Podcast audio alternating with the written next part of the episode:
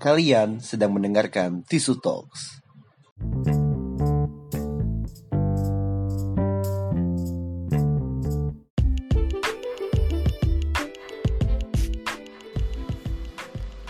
Berawal menjadi pemain basket profesional, Nico Donda berani terjun ke dunia bisnis kaos kaki bernama Stay Hoops. Dan Stay Hoops menjadi brand yang cukup dikenal di kalangan fashion entusias khususnya di Indonesia.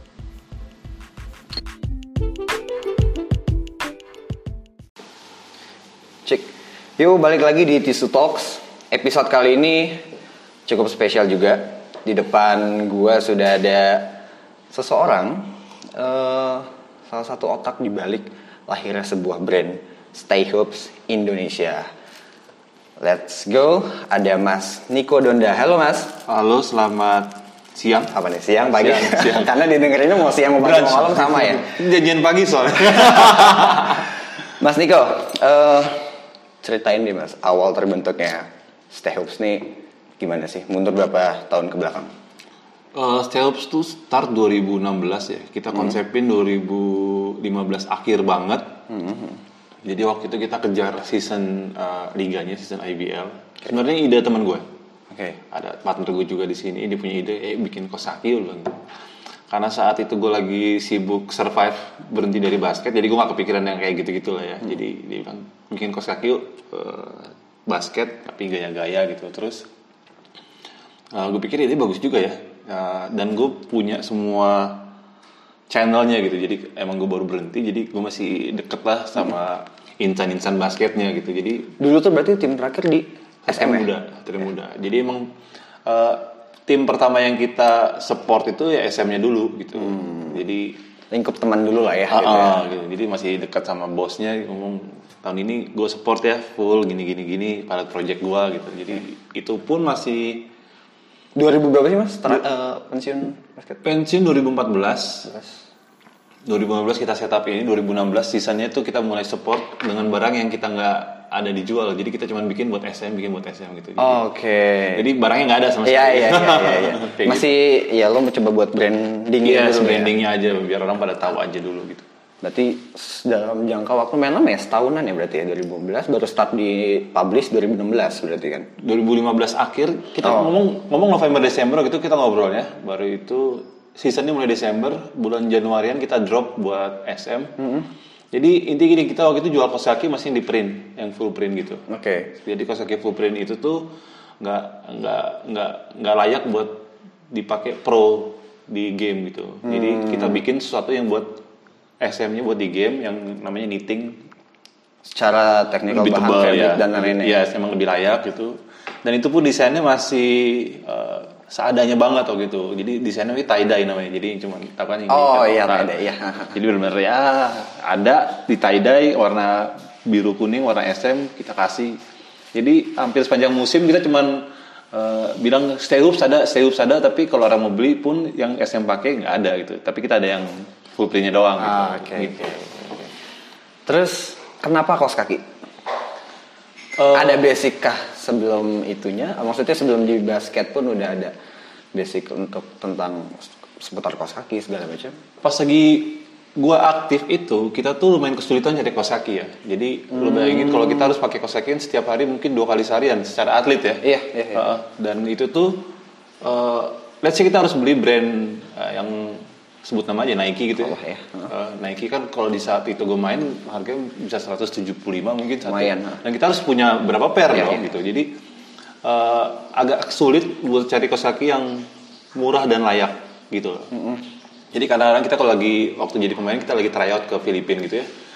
Filipina kan negara basket tuh. Jadi kita datang ke ke mall aja tuh yang ya bukan mall-mall tinggi ya. Ibarat keramayanannya di Filipina kita cari kosaki tuh banyak banget. Jadi betapa kita waktu itu tuh benar-benar hunger buat kosaki yang layak sebenarnya gitu. Jadi waktu kita tryout kita beli banyak banget tuh.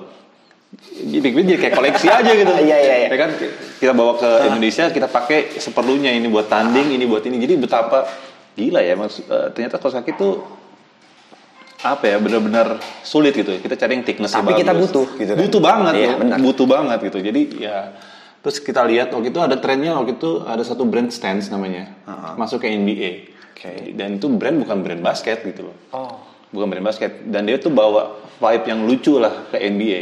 Uh, warna-warna yang udah agak mulai segar gitu. Jadi kita lihat juga kan uh, si Stance cuma mainin di warna, kita mainin di desain sekalian yang lebih grafik Colorful lagi gitu, colorful dan grafik gitu. Jadi kita mau bawa tren itu kita lebihin lagi, kita coba di Indonesia bisa gak gitu. Ternyata Oke.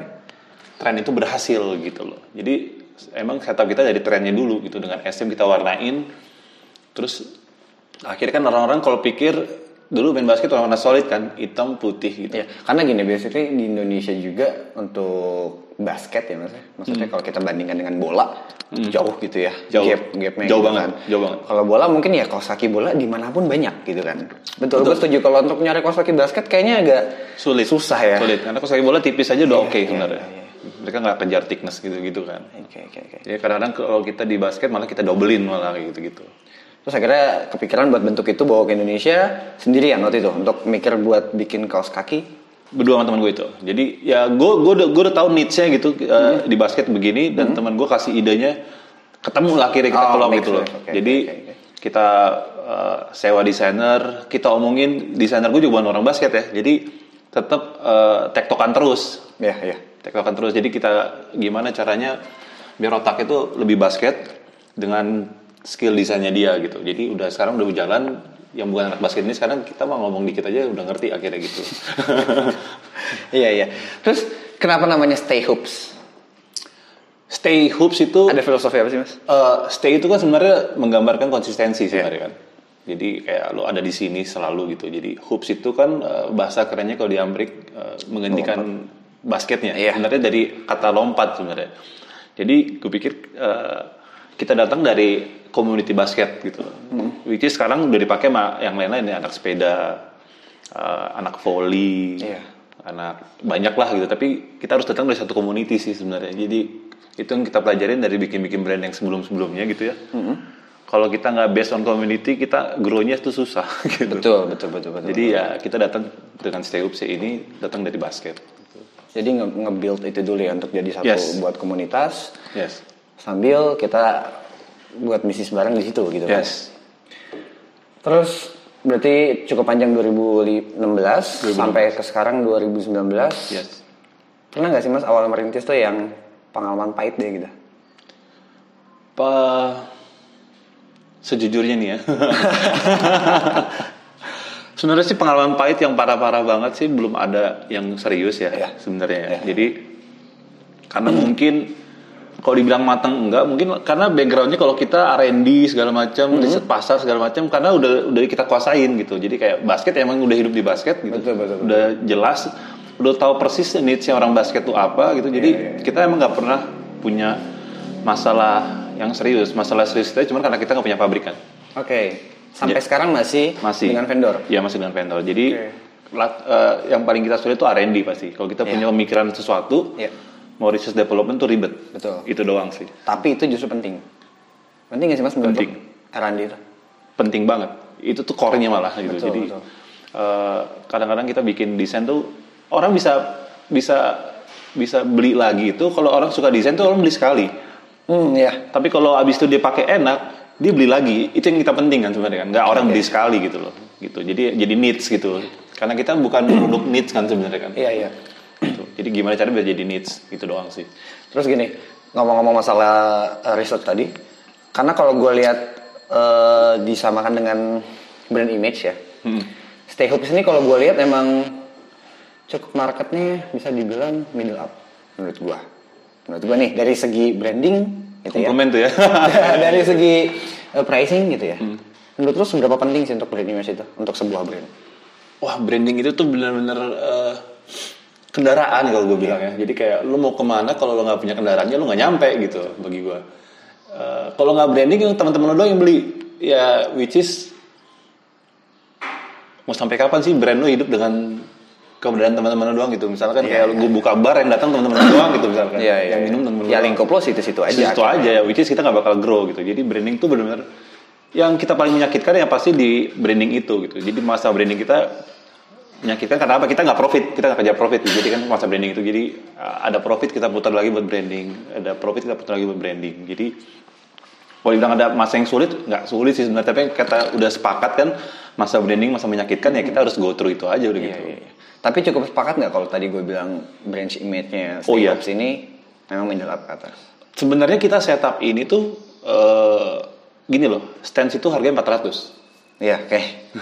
Nike itu 300 sekian yang performance-nya. Jadi kita setup tuh biar sebenarnya orang bisa punya kaos kaki murah. Jadi kita cut setengahnya dengan grafik yang lebih gila gitu loh. Jadi Walaupun ada beberapa orang yang beranggapan, aduh kaos kaki aja nyampe di atas 100 ribu ya gitu ya. Mm-mm. Walaupun pasti ada yang gitu pasti doang ada yang gitu, pasti ada yang gitu. Nah cuman akhirnya justru kalau di gap market lebih luas lagi, masih ada kok brand-brand internasional yang jauh lebih mahal gitu. Yes. Dengan dengan kualitas kita juga yang nggak Yes, jauh. benar, benar. Jadi mungkin dibilang dibilang kesan mahal kalau orang datang ke Instagram terus dilihat kayak kita karena terus terang ya eh, packaging itu benar-benar sesuatu yang kita pikirin banget Betul, betul, betul, sampai cara kita muncul di Instagram tuh kita pikirin banget banget. Jadi dulu pasnya masa branding kita punya tolak ukur tuh follower.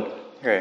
Jadi ya zaman dulu kan kita anti beli follower. Jadi kita kita dari Januari eh, target gimana di Grow-nya lumayan. Ya di Maret misalkan harus sekian, di April harus sekian followernya. Jadi uh, karena branding kan, jadi orang harus tahu dulu kan. Jadi kita tolak ukur itu doang karena kita platformnya cuma di Instagram. Kita bungkus bagus gitu, foto yang bagus, kita bayar orang buat foto, bayar orang buat video.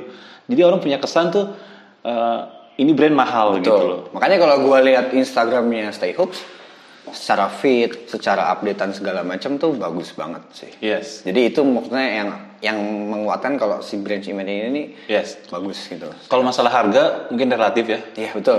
Masih Yes. relatif ya. Tapi balik lagi sih ada harga, ada kualitas. Ada harga, Gue kualitas. selalu percaya itu sih mas. Yes. Terus eh, soal brand image tadi, ada strategi khusus nggak sih dari lo dan tim buat nge-build ini sampai sekarang dari awal? Strategi khususnya tuh eh, sebenarnya nggak ada yang khusus, cuman eh, kita punya proyeksinya, kita punya cita-cita cetek lah yang bertahap bertahap gitu ya. Jadi ya cita-cita kita kan kayak pertama kali kan eh, kita pegang SM doang kan. Di tahun pertama kita muncul itu pegang SM satu tim only. Terus eh, di tahun kedua semua, Wah, semua tim. sekarang total berapa tim sih mas? di liga tuh ada 10 tim, 10 10 yang kita pegang. 10 tim. 10 tim. Wow. Jadi eh, abis itu kita pelan-pelan eh, beranjak ke jadi kan SM nasional jadi ibaratnya pelan-pelan kita internasional sekarang. Jadi ya tahapannya yang kita kejar tuh itu aja. Jadi ya mungkin kecil-kecilan tapi kita pengen grow terus gitu loh. Jadi kita kejar konsistensinya sih sebenarnya. Iya iya iya. Nggak ada yang something gede banget tuh enggak. Jadi, Tapi nge-build untuk itu akhirnya juga ngebawa beberapa calon customer juga percaya dong maksudnya. yes itu ya. Wow gitu. Yes, karena gue punya punya gambaran ya. Lo bikin brand tuh nggak perlu unbelievable sih sebenarnya. Kus- eh, cukup believable aja gitu. Jadi Hmm. Iya, iya, kadang-kadang orang kepikiran gue pengen bikin brand yang sensasional gitu. Gue pikir nggak perlu gitu, nggak nggak. Iya, iya, lo iya. cukup bikin orang percaya sama brand lo udah gitu. Ya karena karena sifatnya pasti lebih lama makanya dibilang stay. Jadi kita pengen komitmen Iya, iya. eh, dan ada terus gitu. Dan balik lagi tergantung visi misi dari awal Yes. sih ya mas ya. Lo mau Yes. lo mau ke mana sih arahnya ini? Yes, gitu kan. yes. Terus gini, eh beberapa belakangan ini kan gue lihat itu kemarin kolaborasi sama The Sigit.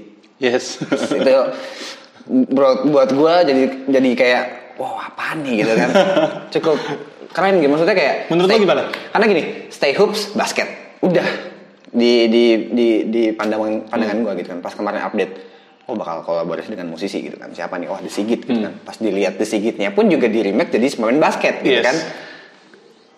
Kenapa kepikiran Eh, The Sigit? Apa karena pengen gap eh, medium yang baru lagi anak-anak musisi kah atau?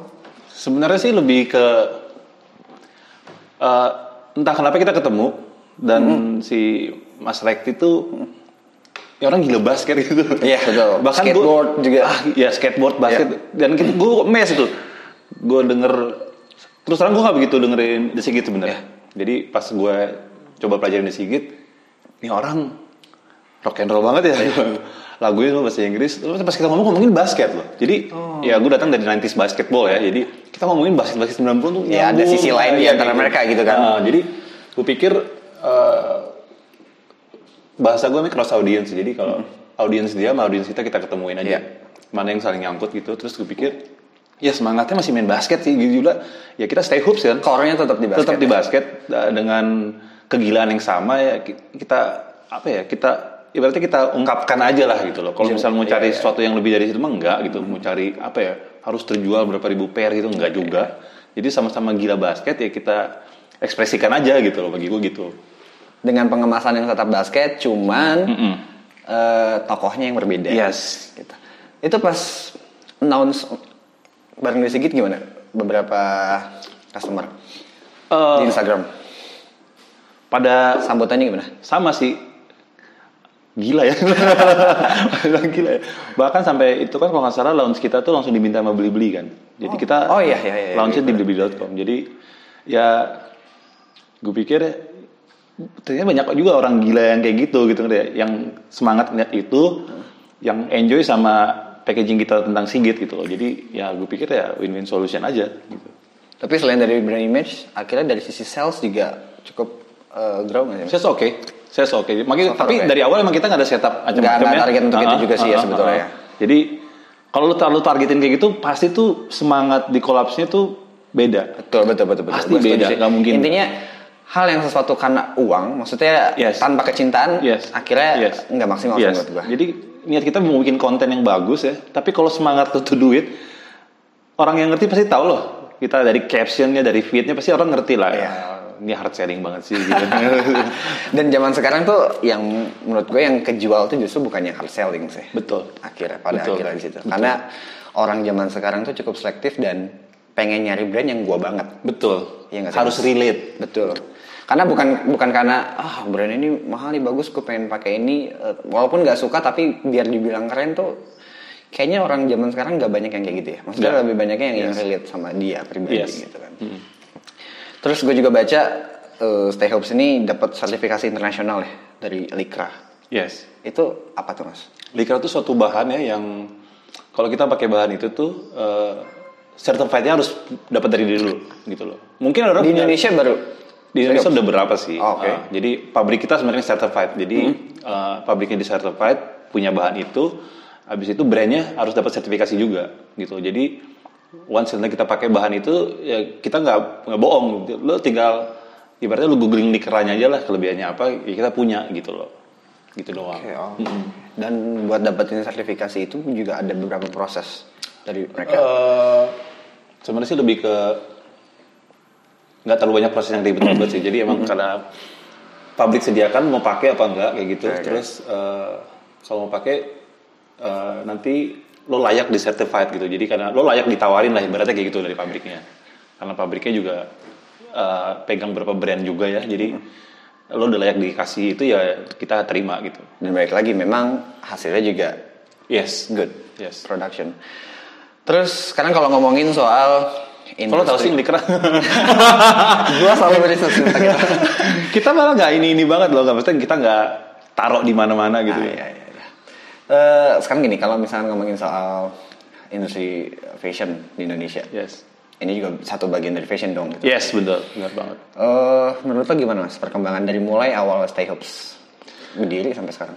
Industri fashion tuh eh sebagai orang yang lahir di 80-an gue bukan milenial ya. Gue lihat eh, di zaman gue pakai sepatu, gue gue ganti sepatu zaman dulu kan gratis. Dan sekarang itu tuh gimana ya? Gue bilang luar biadab, gila banget gitu.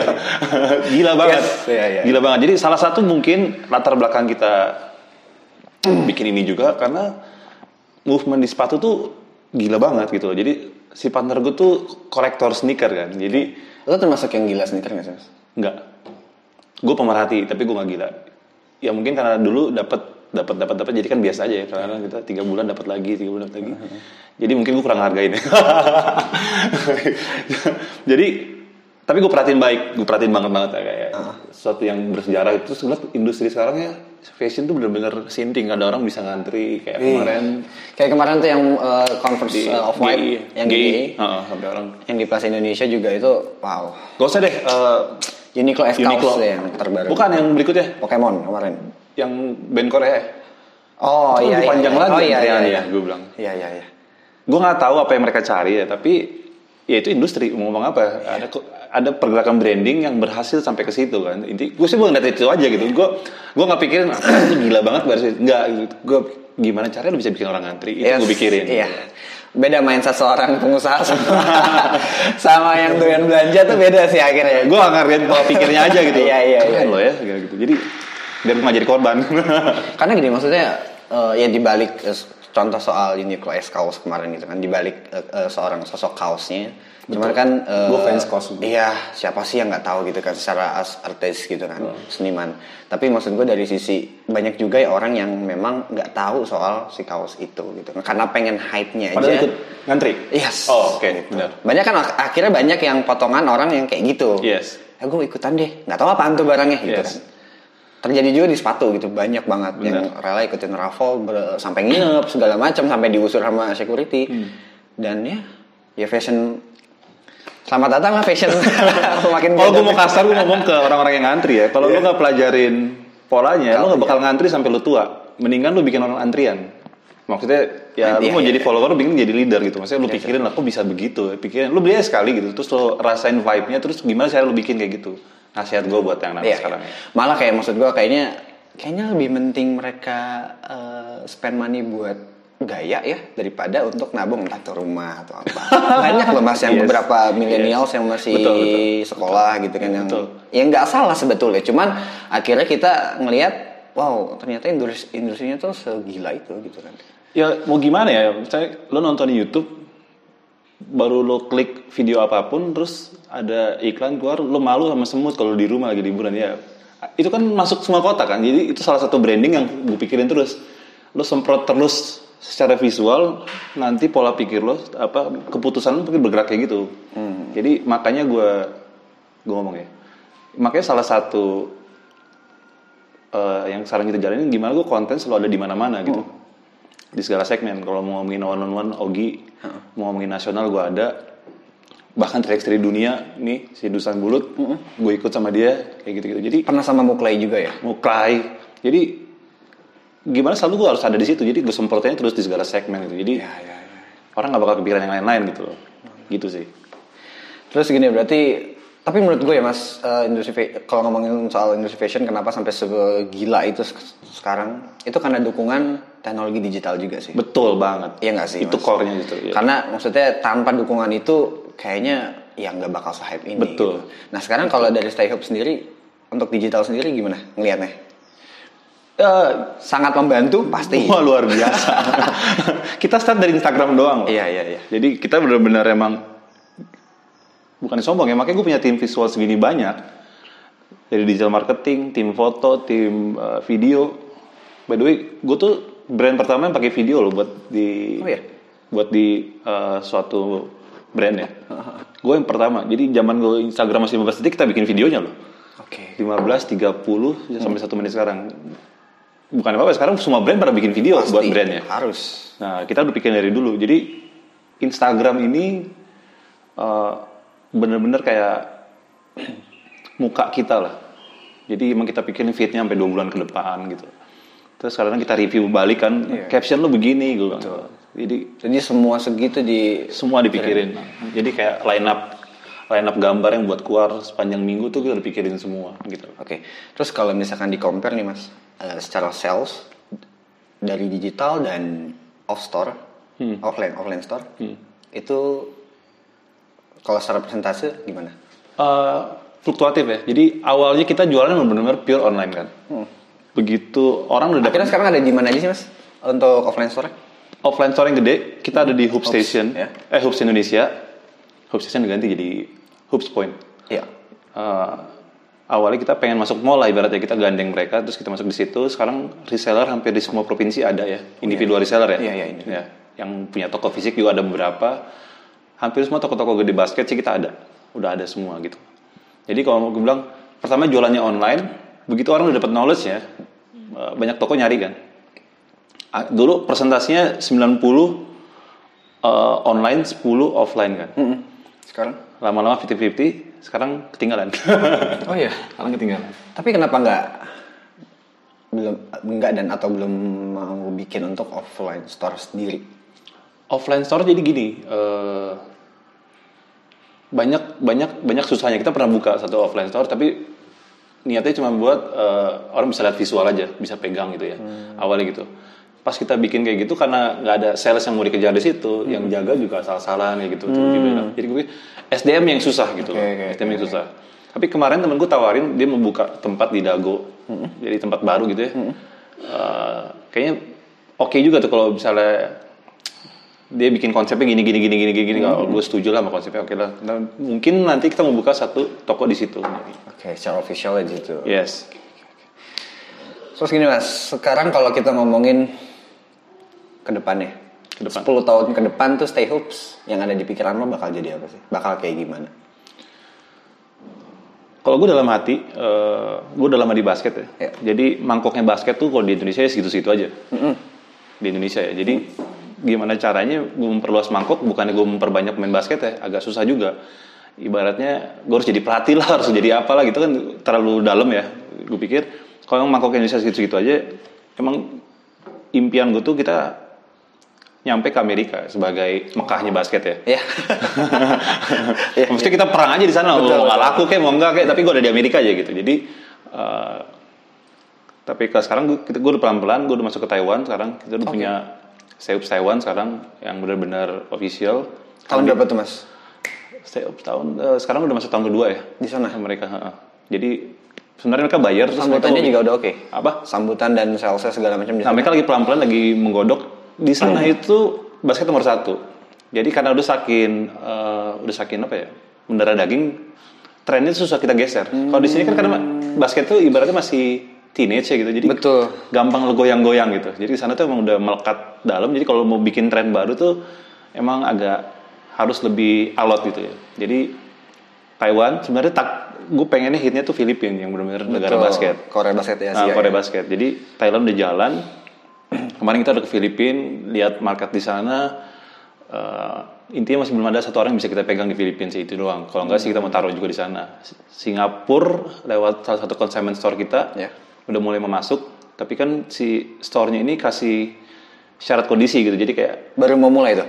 baru baru jadi ntar kita lewat dia masuk ke Singapura hide and seek gitu jadi Australia gue jadi pilot projectnya anak kuliah di sana gue mau bikin brand di sana jadi oke bagian dari eh, subjek kuliahnya kayaknya ya oke ya pokoknya win-win solution ya Iya, jadi iya. Australia Amerika pelan-pelan gitu Pelan-pelan lah ya. pelan-pelan banget tapi jadi emang gue lihat 10 tahun ke depan ya gue harus keluar bukan keluar ya Memperluas expand- pasar ekspansi. keluar dari Indonesia gitu Iya, iya, iya.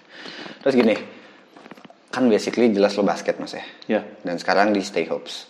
Kalau berandai-andai, eh, siapa sih pemain basket yang pengen lu, ini lo lo pakai nih produk Stay Hopes, NBA, NBA siapa? Satu orang. satu orang doang Ya, terserah ya yang mau masih yang mau masih aktif atau enggak. harusnya sih masih aktif ya Hmm. hmm. kita sih kemarin udah sempet ada dua kali ketemu sama pemain sana ya dan dua gue nggak suka Eh, men susah Eh, Kayak saking banyak ini impiannya. ada sih baru masuk yang gue suka personality dari awal ya RJ Barrett sih Oke. jadi sekarang baru masuk Knicks gue suka ya, kalau dia bisa pakai which is impossible sih impossible karena kayak top kayak gitu orang pasti langsung dibook sama Nike kan jadi kalau impian ya gue pengen dong. dia yes Dia. Kenapa mas? Dia. gue udah perhatiin dari di SMA gitu ya jadi gue gak ngeliat skill ya kalau masih ngeliat skill ya udah banyak yang kayak gue salah satu pemilihan gue gue pilih orang jadi ambasadornya di Stay Hoops uh, gue liat personality-nya Pasti ya. Attitude itu ya. punya attitude terus sama inti gini banyak kesalahan brand tuh kalau ngendorse orang lo harus make sure orangnya suka apa enggak sih sebenarnya gitu. Kalau kalau Bukan perkara uang aja dong. bukan karena Iya kan? uang. Karena balik lagi, kalau karena uang caption aja udah tahu. Iya. Template lah kayak gitulah gitu. Jadi akhirnya gue pilihin juga anak-anak yang di IBL, gue pilih eh, tujuh, delapan orang tuh benar orang-orang yang personality gue terima dengan baik gitu. Si RJ Barrett ya gue lihat dari SMA, etos kerjanya gitu, terus cara dia ngomong, personality-nya gue bilang. Dan ternyata jago, sekarang masuk NBA, ya, gila nih orang keren lah, gue, gue mau sama dia gitu. Gue gue lagi DM ada anak SMA sana sih yang gue juga suka personality, cuman gak dibahas-bahas DM. Oke mas, eh, satu pertanyaan terakhir deh. Kasih tips deh buat eh, yang baru mau mulai usaha apa pun itu. Lo harus mesti gimana dulu sih gitu. Kalau mau mulai usaha ya, eh, mungkin kayak kunci dari semua brand-brand yang udah jadi ya, lo harus sensitif sih sama pasar lo. Oke. Jadi datanglah dari satu komunitas, jadi biar komunitas yang backup lu juga gitu loh. Jadi lu jangan datang eh, takes time lah, lu ambil waktu buat lo research gitu. Jadi buat kalau emang lo nggak ada di situ, lo research dulu lah. Jadi nggak juga kalau eh, lu bukan anak basket mau bikin brand basket nggak boleh nggak. Lo kasih waktu lo buat research gitu. Apa sih yang basket perluin gitu loh, nggak sih? Apa yang mereka perluin gitu. Karena kan mikirnya jangka panjang ya nantinya Yes, gitu. Yes, karena itu uh, makin lo tahu apa yang orang perluin, makin banyak yang bisa lo jual. Ya lihat aja Gojek gitu. Ya. Nggak kepikiran siapa orang Ya ojek itu jadi. sampai jadi gue masas kan. Iya. karena dia sensitif gitu. Iya, iya, iya. Berarti itu salah satunya. Ada lagi mas? Eh, dengan lo jalanin yang tadi ya, mungkin lo udah nyelesain uh, setengah perjalanan lo dari branding sih. Jadi Hmm. jadi nggak begitu sulit ya, karena branding paling menyakitkan, kan. Iya, paling menyakitkan, painful lah ibaratnya. Jadi kalau udah take time buat research itu, branding lu setengah jalan, which is lo nggak bakal buang-buang waktu dan uang modal lo itu nantinya gitu. Oke, oke, oke. Passion juga penting gak sih mas menurut lo? Passion penting. Jadi ya memang paling gampang datang dari passion. Ya, Jadi berarti iya. udah selesai gitu sebenarnya iya. setengah gitu loh. Jadi kalau lu nggak ada passion ya itu penyakit anak zaman sekarang nggak punya passion. Oke mas, satu kalimat terakhir buat stay hoops. Satu doang. Iya. Oh kalimat ya. Kalimat. Selalu pegang nih moto ini dari Iverson. If you look good, you play good. Oke. That's it. That's it. Yes. Thank you mas. Thank you.